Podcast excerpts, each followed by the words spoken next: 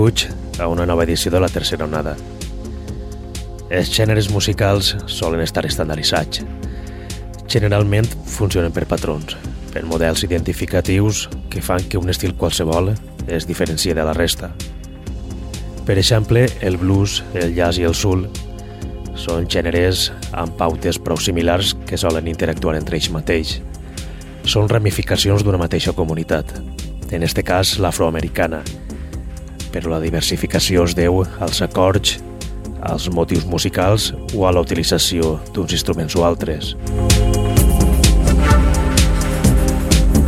En la música electrònica passa el mateix.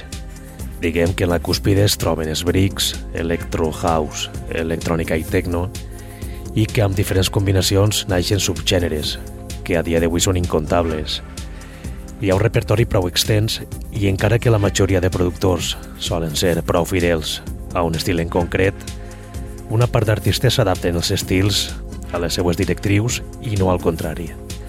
Esta manera de treballar personalitza el caràcter musical i dona a entendre el gran control de l'artista en diverses tendències, encara que només ho aplique a un estil en concret.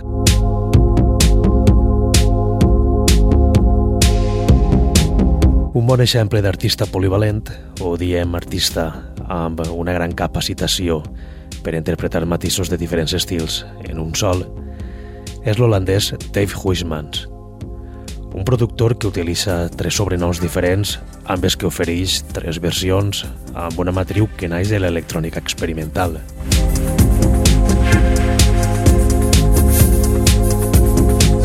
Dave Huismans és conegut actualment per 2562 i Up Sound. Són els dos noms artístics que utilitza ara mateix. Però els seus primers treballs van estar publicats com a Dog Days, un àlies que va utilitzar només en uns pocs llançaments, fins que va començar a firmar com a Made Up Sound. En 2004, Huismans publica Outward com a Dog Days, un gran debut amb un llançament en el que mostra una dilatada versatilitat amb cinc pistes completament diferents, dissenyades amb sounds oscurs i línies de baix anàrquiques. Una entrega amb la qual fusiona elements del beat, del house, del techno de l'electrònica abstracta i de hip-hop. Into This és el quart de Outward.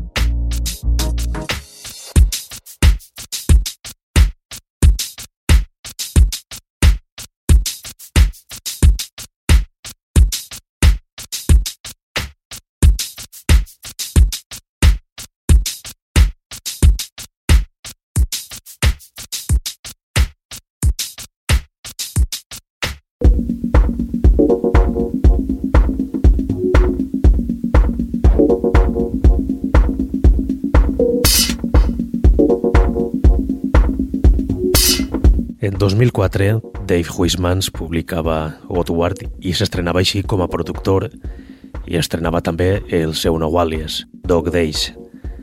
Abans l'holandès era conegut com a Capwerk, però amb este nou apel·latiu i amb música en el mercat, Huismans començaria a fer-se nom en ciutats com Amsterdam o Rotterdam.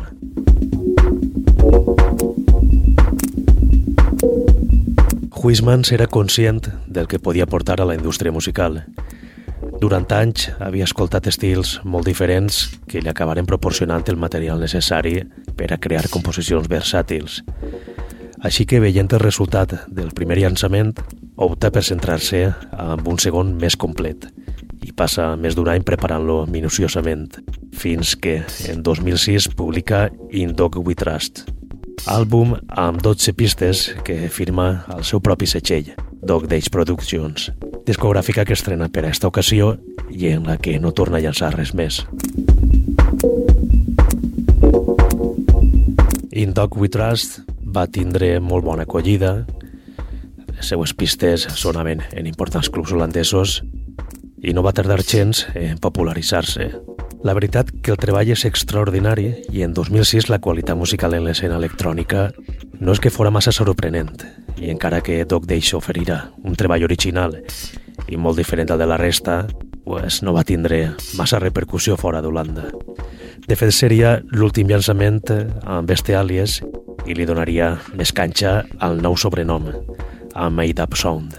Però anem a tancar esta primera etapa de Huismans amb Contact, pista que obri In Dog We Trust.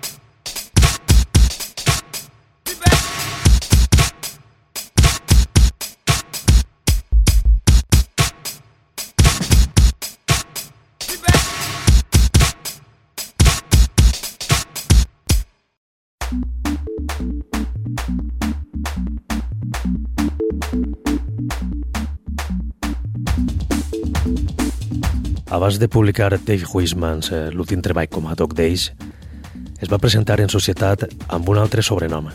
A Up Sound és una altra versió de Huismans. Una versió definitiva en la qual l'electrònica abstracta es configura de nou per adaptar-se amb estils com el house o el techno. Una barreja acertada, més destinada a la pista de ball i més fàcil d'assimilar per al públic.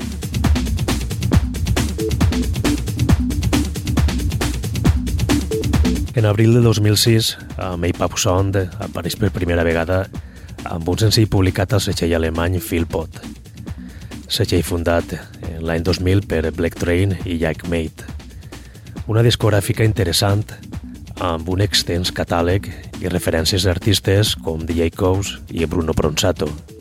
Una aposta nova per a Huismans que es decanta pel Deep House amb un llançament de dos pistes, Sunday és la primera i la segona és Late Drive.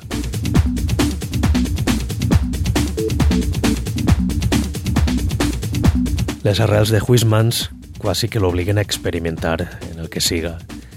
Pot ser, en el segon tall d'este llançament, és més purità i opta per mantenir els elements fonamentals del deep. Però amb el primer és més permissiu i prova a afegir-li altres matisos i una estructura diferent, i esta és la principal essència d'este productor, l'originalitat i la versatilitat.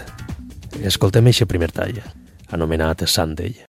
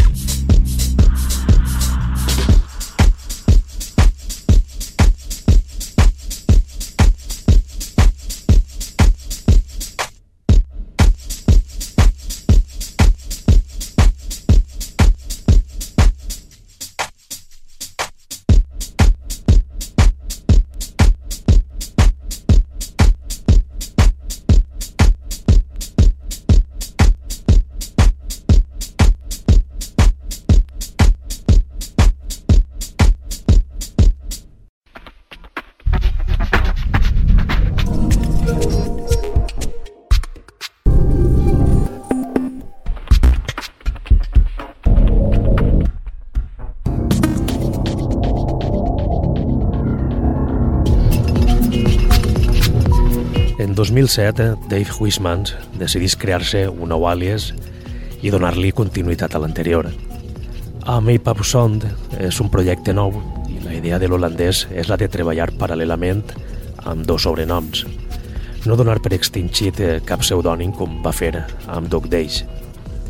Així que el que intentarà serà consolidar-se com a 2562, ja que amb Up Sound havia entrat en bon peu i encara que únicament havia publicat una sola referència, la resposta per part del públic i promotors havia sigut prou positiva. En 2009, Huismans crea un setxell homònim.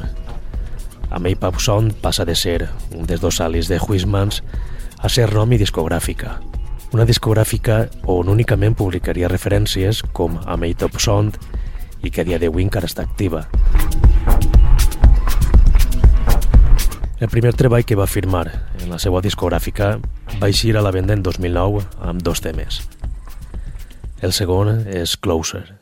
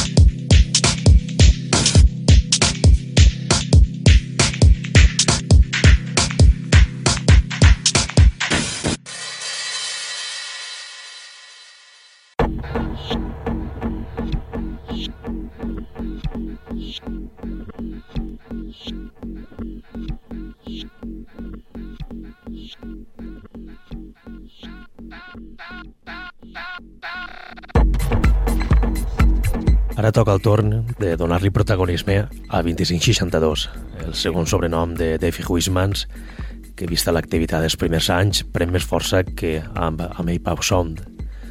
Una diferència però notable que es reflexa, per exemple, amb els àlbums, ja que fins a l'actualitat Huismans només n'ha publicat un com a Up Sound i va ser en 2008. Un àlbum anomenat Shortcuts, autollançat pel propi productor, i amb una línia similar a la de Donatxa Costello en la sèrie 6x6, gravant un tema per nit com, com a repte. En este cas, peces curtes que oscil·len entre els 40 segons i els 4 minuts. En 2007, Huismans li dona eixida a 2562 i fins a 2009 firma diversos treballs al setxell britànic Tectonic. Dos d'ells són dos àlbums, anomenats Aerial i Ambalance publicats en 2008 i 2009 respectivament. Dos grans llançaments amb els que obté un bon resultat, catalogats els dos entre millors àlbums de l'any per, a, per a uns quants mitjans. El ritme trencat és el que impera en la primera obra de 2562. Brics combinats amb dab o dubstep, però amb caràcter molt propi, diferenciant-se prou de la resta. D'estos dos àlbums anem a quedar-nos amb el segon per escoltar Who Are You Falling?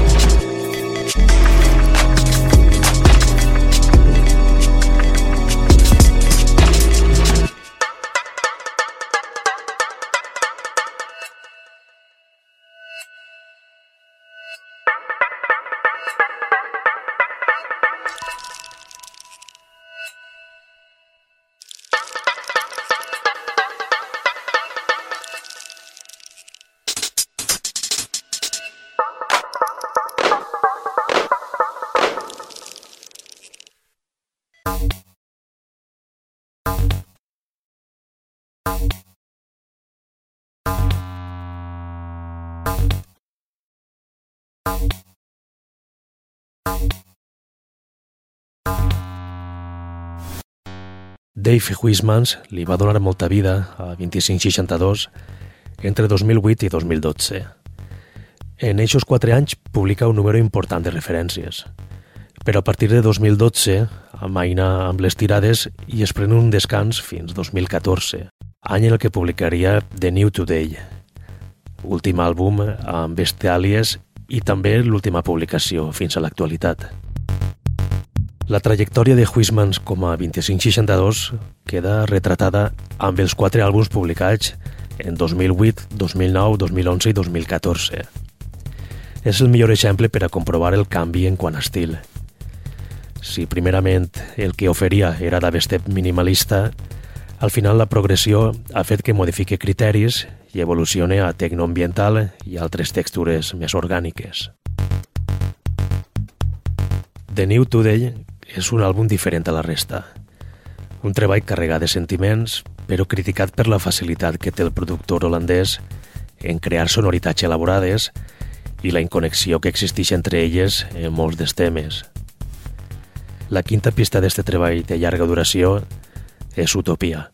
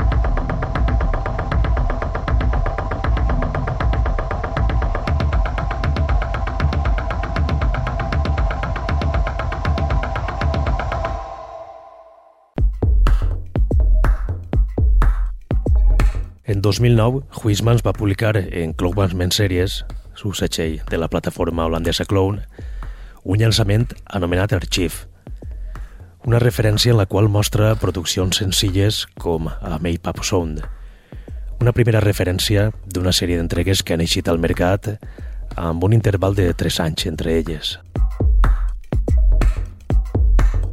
En 2012 publicava la segona part i en 2015 la tercera, referències que van tindre una grata acollida pels seguidors del productor holandès. En este tercer capítol podem apreciar la gran facilitat de Huismans per a tractar el tecno de diferent manera.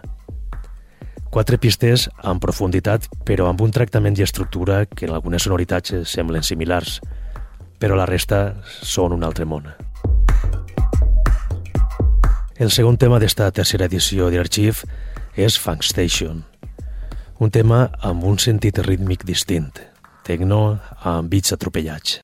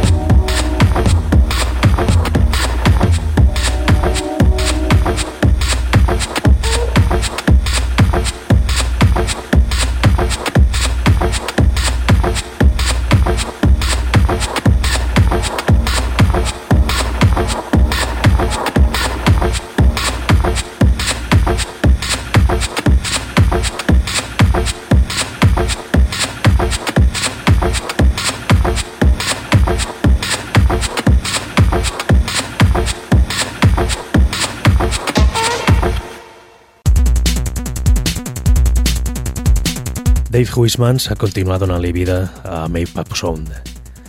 Ha firmat grans treballs i a grans setxells, com és el cas de la plataforma holandesa Delsin Records, una de les discogràfiques més importants a Europa i amb una repercussió important, ja que no únicament opera com a setxell, també opera com a distribuïdora i tenda física. Anem a acabar el programa amb una entrega publicada en Delsin Records, Thin Air, referència que eixia a la venda en 2016 i en la qual Huismans li adapta l'electrònica a la pista de ball. Ens quedem amb la quarta i última pista, Wayback Machine.